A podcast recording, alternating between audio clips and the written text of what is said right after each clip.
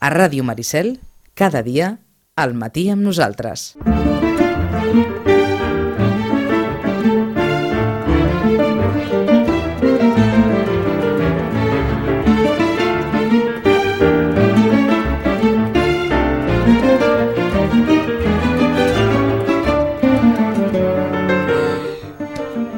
S'acosta Sant Jordi i això sempre es deixa sentir.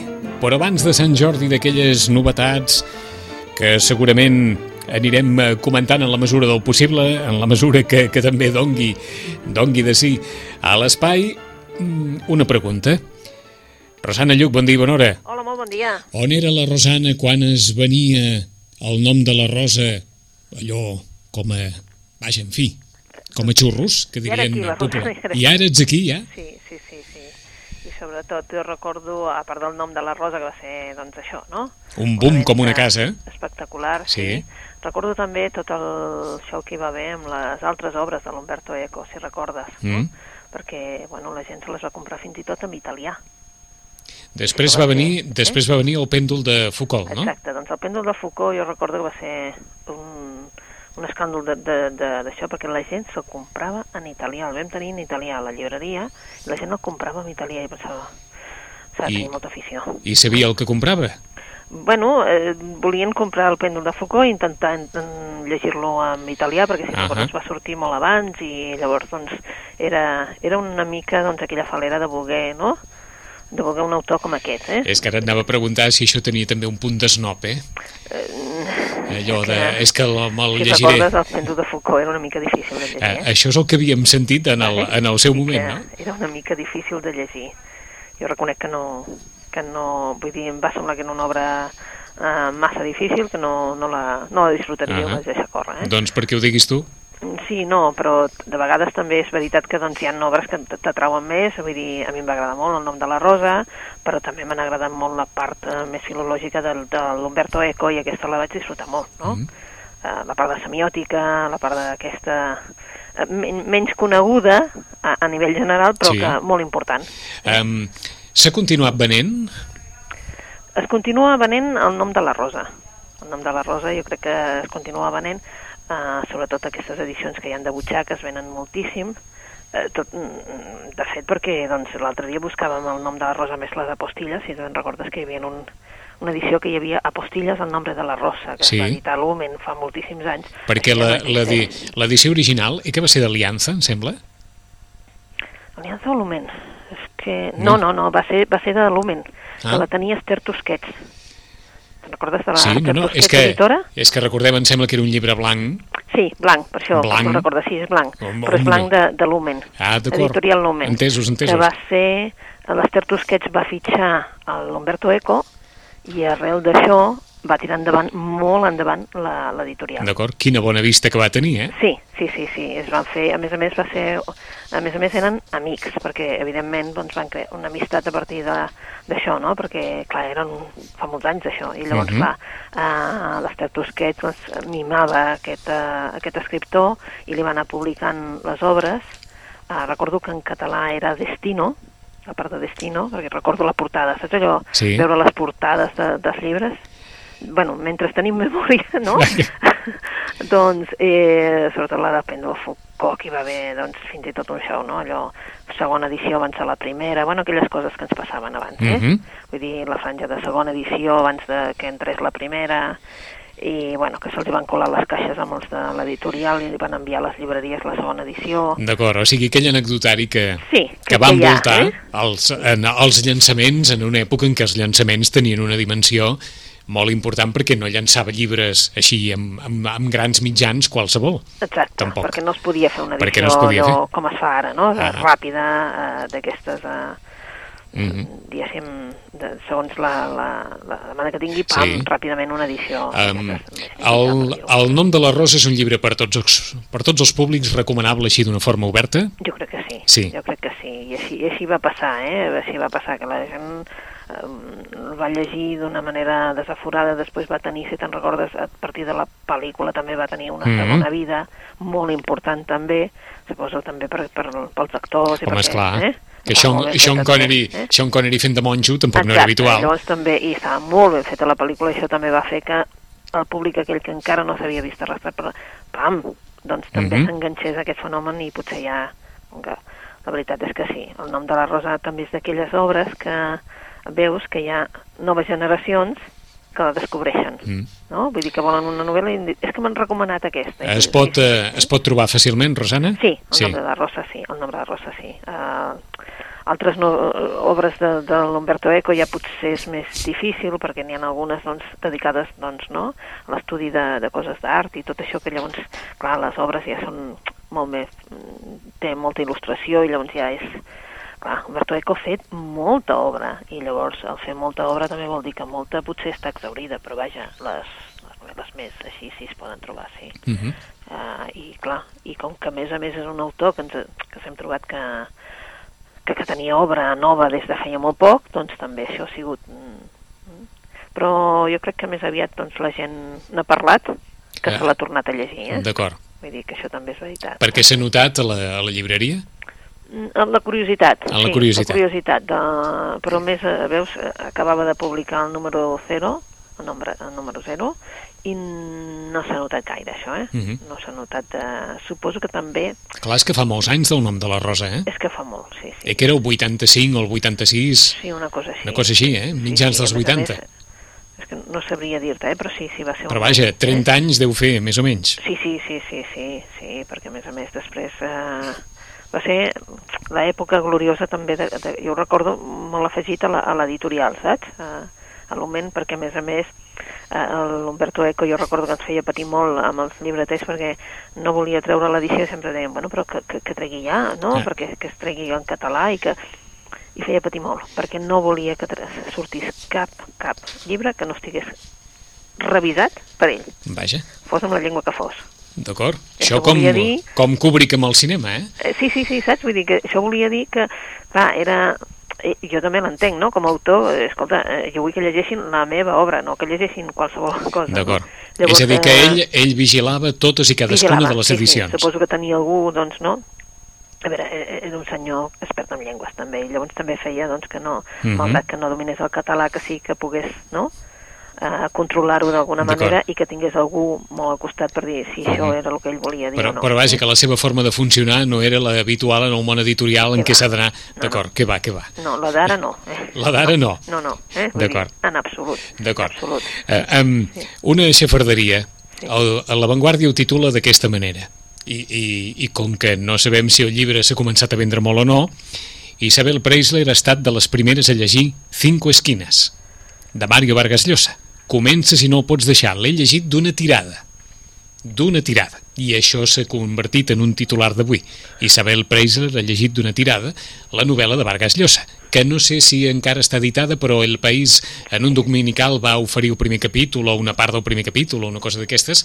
Ha sortit ja a la venda? Sí, Sí. sí, sí, va sortir ara fa molt pocs dies. La veritat és que uh, va sortir el dia 1 uh, i la veritat, saps, es posava, em sembla que era el dia 3, exacte, el dia 3 es posava a la venda. Ahà. El dia 3 no es podia posar a la venda i, i de moment hi ha poca curiositat, de moment. Poca crec- curiositat. De moment sí.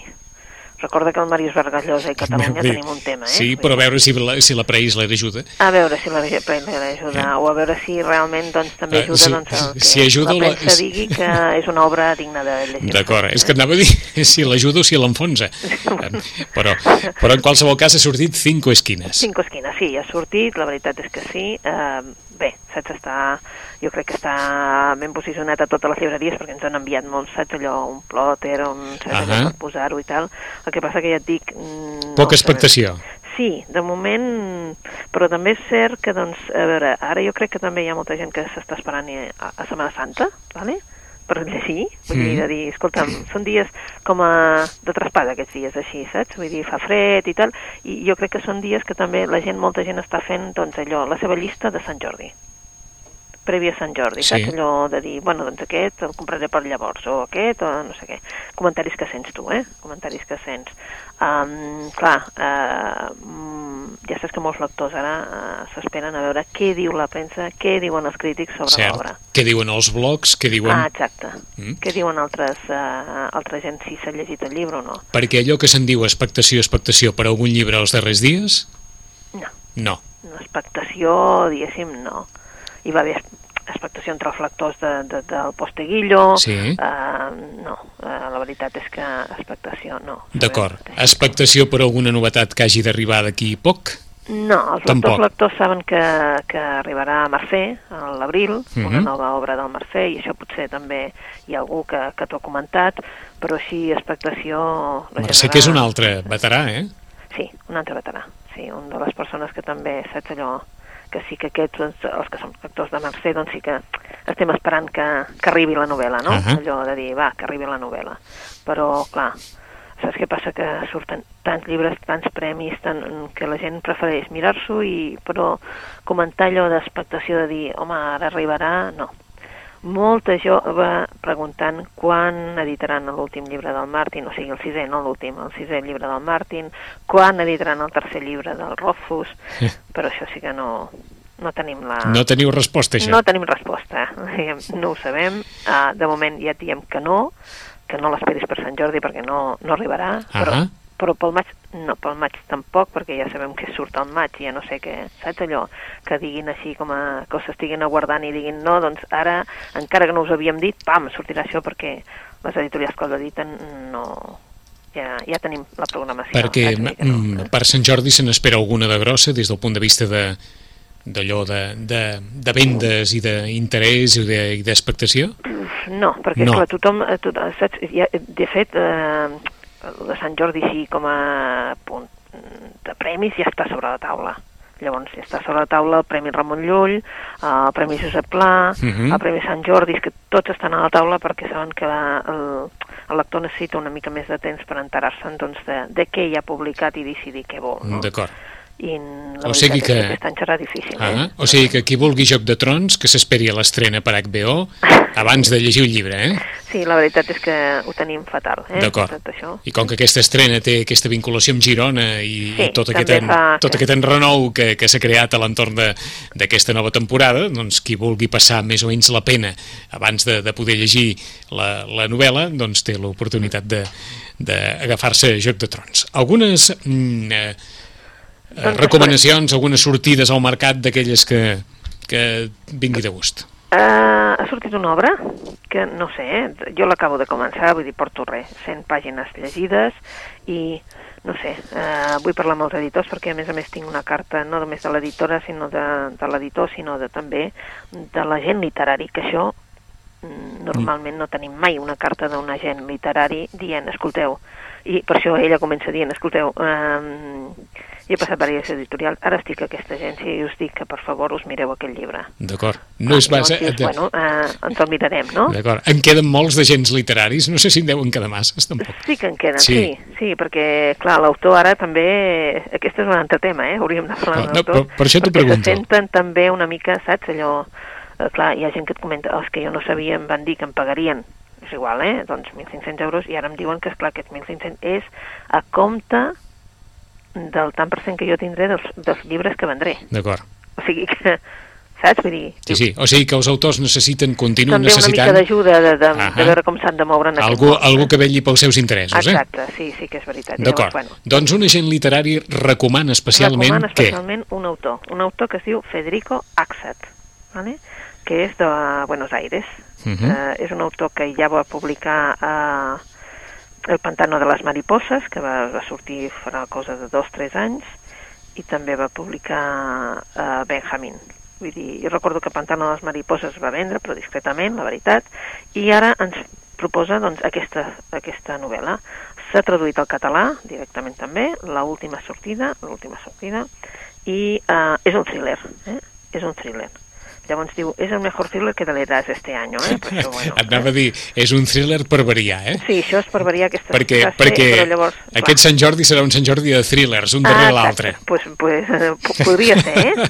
Però mi, jo ja et dic que preparem-se per una altra noia del tren, que és aquesta, la última salida. Vaja, Si realment hi posen una mica de màrqueting, t'asseguro que això serà una altra noia del tren. Si hi posen una mica de màrqueting. doncs sabeu mira que, això, el- que la noia del tren Mm. ha tingut sortida, eh? Molta sortida. Eh? Però t'explico. Uh, la última salida ens presenta a un personatge, vale? que és el Ted.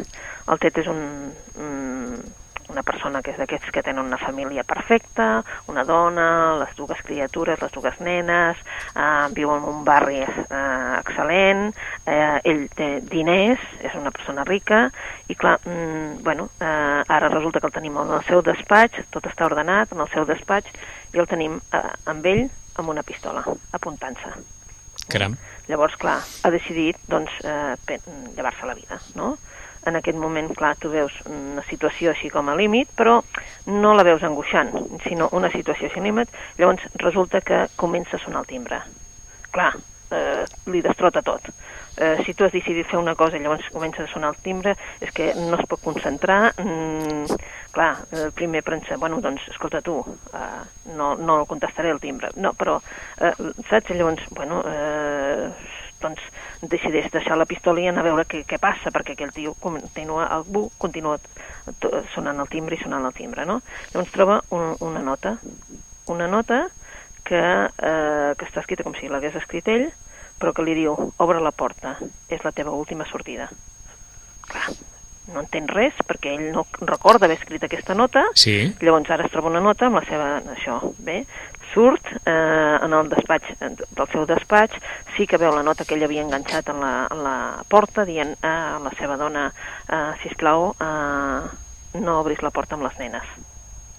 Obre tu, no obris la porta amb les nenes. És a dir, que ell ja ho havia preparat, havia preparat tot l'escenari, vull dir, havia preparat un escenari com parla d'això, eh? Havia tret totes les fotografies perquè no li recordés a ningú. És a dir, ell està sol, les nenes estan a, a Disney World amb la seva mare i és el moment. Eh, Llavors, resulta que el personatge que és molt enigmàtic és el personatge que hi ha a la porta, que és l'Edward Lynch, i l'Edward Lynch li diu pel seu nom, llavors, clar, ell diu, "Mm, què passa? O sigui, no?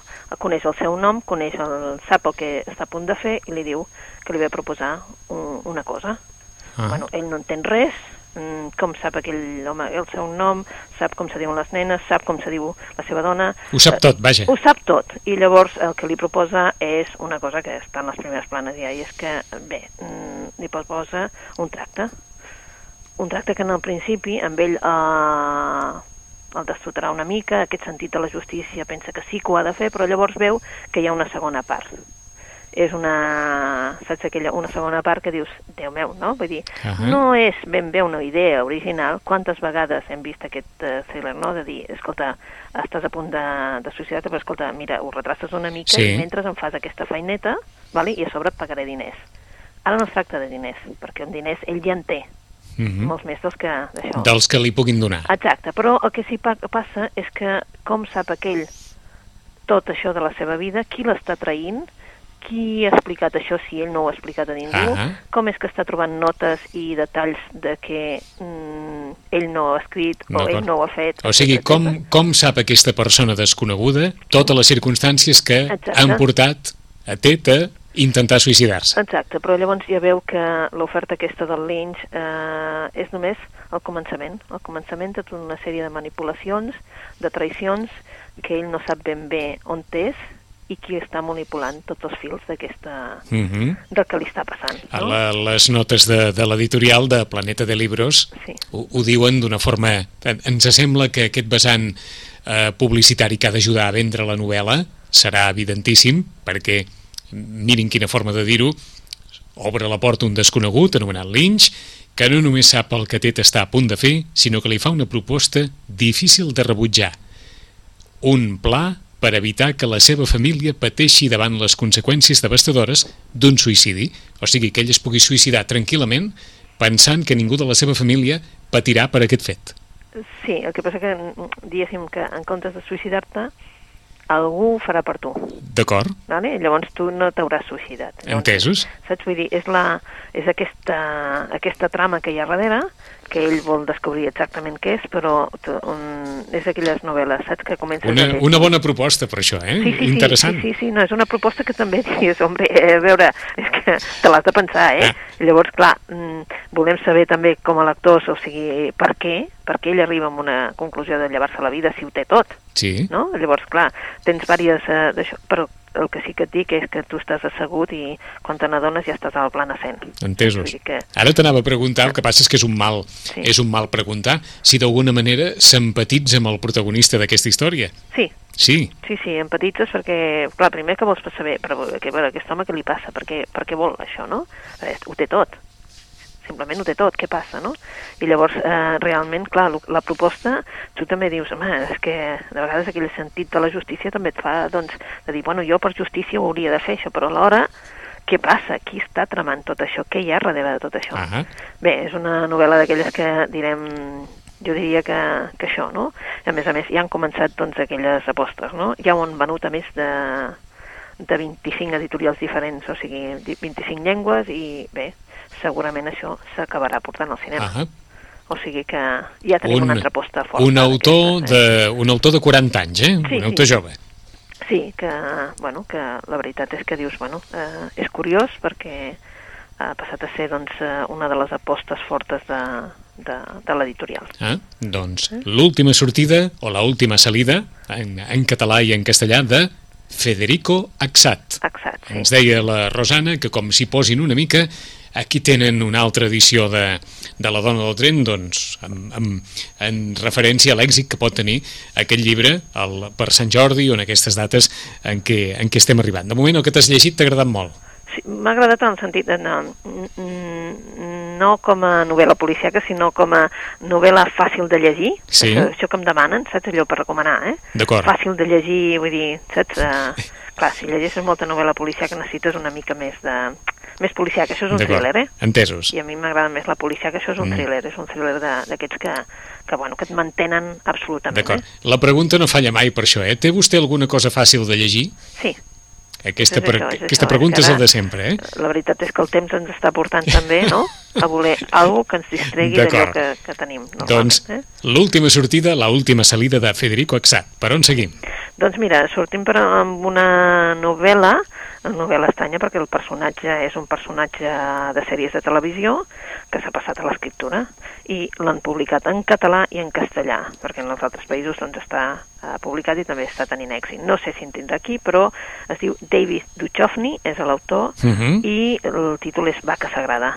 Holy Vostès, cow, però... Eh? Vostès diran qui és qui és, el Exacte. protagonista d'Expediente X. Exacte, el protagonista d'Expediente X, per tant, clar, eh, com pots entendre, doncs la faixa del llibre ja porta la seva fotografia, perquè no se'ns passi de qui és, Mhm. vull dir que... I bé, el Vaca Sagrada és, mm, doncs això, una faula, una faula, doncs, que pot portar-te a pensar tu que, malgrat que siguem animals, doncs, diríem que s'hauria de passar, doncs, això, el que és una faula, a pensar en nosaltres quan realment els personatges són animals. I de qui parla? Doncs de la Elsie. La Elsie és una vaca, una vaca d'aquelles felices, una vaca que passa, doncs, això, que pastura, que i que xerra amb les, amb les seves amigues, la Mallory, eh? però que també té uns altres amics. Rosana, Rosana, em sembla que no havíem parlat mai, en tots els anys que portem, de la història d'una vaca que parla, amb, vaca. que parla amb les seves amigues. Sí, i- que parla amb les seves amigues i pastura i fa d'això. i- I, I fins i tot, fins i tot s'atreveix a veure per la finestra de, de la família, dels pagesos on està, Sí. doncs, la tele. Entesos. La tele, que és aquella caixa màgica que li, ella, en un moment donat, clar, veu una imatge que és el seu futur, no? Ahà, Una fàbrica de, de entesos. carns, eh? Però llavors, clar, això la sacseja i la seva vida tranquil·la passa a ser un malson. Què fa? Doncs com que té dos grans amics, eh? el, el Shalom, que és el Mhm. porc, un porc que llegeix la Torà i per tant eh, s'ha convertit al judaïsme, i el, el, el Tom Tarky, el Tom Tarky, eh? que és un gall d'indi, un gall d'indi que, que, bueno, que és d'aquells moderns, eh, no sap volar, eh? però fa servir l'iPhone, vull dir, vull dir, pots fer servir l'iPhone amb el bec, o té coses d'aquestes, el, Ahà. el, el Targi, eh? el Tom Tarki. Què fan tots tres? Doncs tots tres volen un destí millor per les seves vides i el que fan és disfressar-se d'humans i anar-se'n cap a l'aeroport amb passaports robats i, i marxen. Cadascú cap on anirà, home, la, la vaca ho té molt clar, on, te, on te millor pot estar és a la Índia, perquè és un lloc on amb ella no la sacrificaran. Uh, el, clar, el porc on te va pues, és cap a Israel, eh, on te vol anar cap Ahà. a Israel. Eh? I el Tom Tarki, home, el Tom Tarki ha d'anar cap a Turquia. I llavors el que fan doncs, és, és una faula, una faula per divertir-te, per, eh, per riure una mica, però en definitiva doncs, es parla doncs, de, de diferents temes, no? d'això, de, de la comprensió, de la tolerància, de, de temes així que ell en aquesta novel·la, així rient, rient, vol introduir-nos. Ah, mm, havia escrit mai? Hi ha alguna referència de, del protagonista, de, de l'actor David Duchovny en, Jo no en en, el món cap. de la literatura? No. Jo no en tinc cap. De fet, la, la novel·la és curteta, eh, també, també ho hem de dir, és una novel·la curteta, també mm, de 200 pàgines, amb dibuixets, també, saps? Vull dir que és una novel·la d'aquestes de regalar per a la gent que vol una cosa una mica divertida, que en definitiva porta el seu què, eh? Uh -huh. Vull dir, però en definitiva una novel·la que pots pensar que és això, no? Sobretot en, en aquest plan, si te'l llegeixes en el plan divertit, doncs això, eh? Vull dir, una vaca que es disfressa per anar-se'n, vull dir, i es disfressa d'humà, no? És eh, una novel·la, diguem-ne, aprofitant doncs, que és el David Duchovny i que vindrà, em sembla, a Barcelona també per presentar-la. Caram. Aprofitant la- l'Estela, que encara no ha arribat, però hi ha hagut una recuperació d'Expediente X a la, a la televisió nord-americana, nous capítols, etc etc i hem de suposar que això també ha ajudat a, a que aquest fenomen vagi prenent cos. Eh? La novel·la es titula simplement Vaca Sagrada, novel·la de David Duchovny, el protagonista d'Expediente X. I encara tenim espai per, per una recomanació més, Rosana. Bueno, doncs ara anem sent amb una recomanació bona i a més a més d'una sitgetana, en el sentit de la Mònica Zagostovà. Ah, Vale? Les roses de Stalin. La publica Galàxia Gutenberg i la publica en català i en castellà. Aquesta és un, una recomanació, evidentment, literària, no? Per què? Pues perquè Les roses de Stalin, el que ens parla la Mònica Zagostova, és una novel·la, eh? És una novel·la, eh, una novel·la original perquè ens parla d'un personatge real. El, el nom és la filla, la filla única del dictador eh, Stalin, eh? I es diu Svetlana Ali, Aliluyeva i bueno, eh, clar, eh, ens explica una mica la, la Mònica de, exactament qui, quin era, quina havia de ser la seva vida. Doncs una vida, evidentment, duríssima, perquè ser filla d'un dictador i, a més a més, eh, sense mare des dels 6 anys, perquè la seva mare suïcida, que no, no pot viure amb aquest marit, etc. doncs, clar, mm, la convivència amb el seu pare és dura, perquè ella s'enamora d'un director de cinema jueu, que el seu pare envia a un gulag, per tant es queda evidentment sola uh -huh. i la veritat és que no sap eh, al final doncs eh, quan l'any ja molt més tard, el 63 va tornar-se a enamorar i ara era una, un, amb, un, un home d'esquerres però hindú i la veritat és que, esclar, quan ell va morir, doncs pensava, bueno, què faig jo? Què faig? I llavors va arribar a Nova York, i a Nova York ella pensava que tindria una vida ja més tranquil·la, una vida relaxada, però evidentment els poders eh, la volien utilitzar per, eh, encara eren els anys de la Guerra Freda, etc, i la volien utilitzar eh, com, a, com a nivell d'informació i de... I realment, doncs clar, eh, se sent que és una dona que sotmesa a, a moltes formes de vigilància tota la seva vida. Mhm. eh? mm, als Estats Units eh, la veritat és que va tindre més o menys una vida bastant diferent, fins i tot, però el, que és bonic és que la Mònica Zagostova el que ens porta és cartes seves i jo que només l'he començada, m'ha encantat i Sí. clar, aquesta és una proposta completament diferent, una proposta que suposo que tu faràs venir la Mònica i tu us Sí. explicarà eh? I... És que ens, ha fet, ens has fet recordar, mm, ara estem parlant de fa anys enrere, eh, en una de les primeres entrevistes a la Mònica, quan ella recordava de petita que escoltava l'Internacional, l'himne, i ens deia, per vosaltres, eh, l'Internacional, o per tota una generació de, de, de persones que, que han viscut o han estat represaliades, la Internacional ha estat un símbol de llibertat. Diu, i en canvi per mi, quan escoltava l'Internacional, era eh, eh, absolutament la representació de tot allò que podem situar les antípodes de la, de la llibertat. clar. I, i, i, exacte, Stalin i tot el que... doncs, exacte. Diu, per mi l'Internacional és això. Diu, encara que per aquesta part de món l'internacional signifiqui el que, el que significa. I ara, precisament, és gairebé com si ens haguessis eh, recomanat un llibre que apela directament a aquella, a aquell record que tenia la Mònica que en el seu dia, a través d'un altre llibre, no recordo quin, de quin llibre parlàvem, però va, va presentar aquesta memòria personal tan, tan traumàtica d'associar eh, vaja, l'internacional amb Stalin i amb tot el que havia significat eh, Stalin, que la, ella mateixa recordo que ens deia mm, eh, no Hitler, no, el següent era Stalin encara que, que hagi passat Hitler més a la història gairebé que Stalin, que era més subtil en les formes, però, però per molts eh, Stalin havia estat veritablement l'encarnació del, del mal, o del, del mal, del mal sí, sí. així obertament. Sí, sí. Per això aquesta novel·la suposo que ens portarà també, no? Està clar. M molta altra visió, diguéssim, de, del que del que, del que ah. va fer. Eh? Doncs ens quedem amb aquestes tres recomanacions, la més literària de totes, la que ens acaba de comentar la Rosana. Les... La literària de debò. Eh? Exacte. Les roses de Stalin, roses que no roses, les roses de Stalin, a l'entorn de la filla de Josif Stalin, Svetlana Aliuyeva, i la història, diguem-ne, la història sota el paraigües d'aquesta figura paternal que, que ho anorreava tot des del punt de vista de, de la llibertat personal. Primera recomanació, acabada de sortir, de Mònica Esgustovà.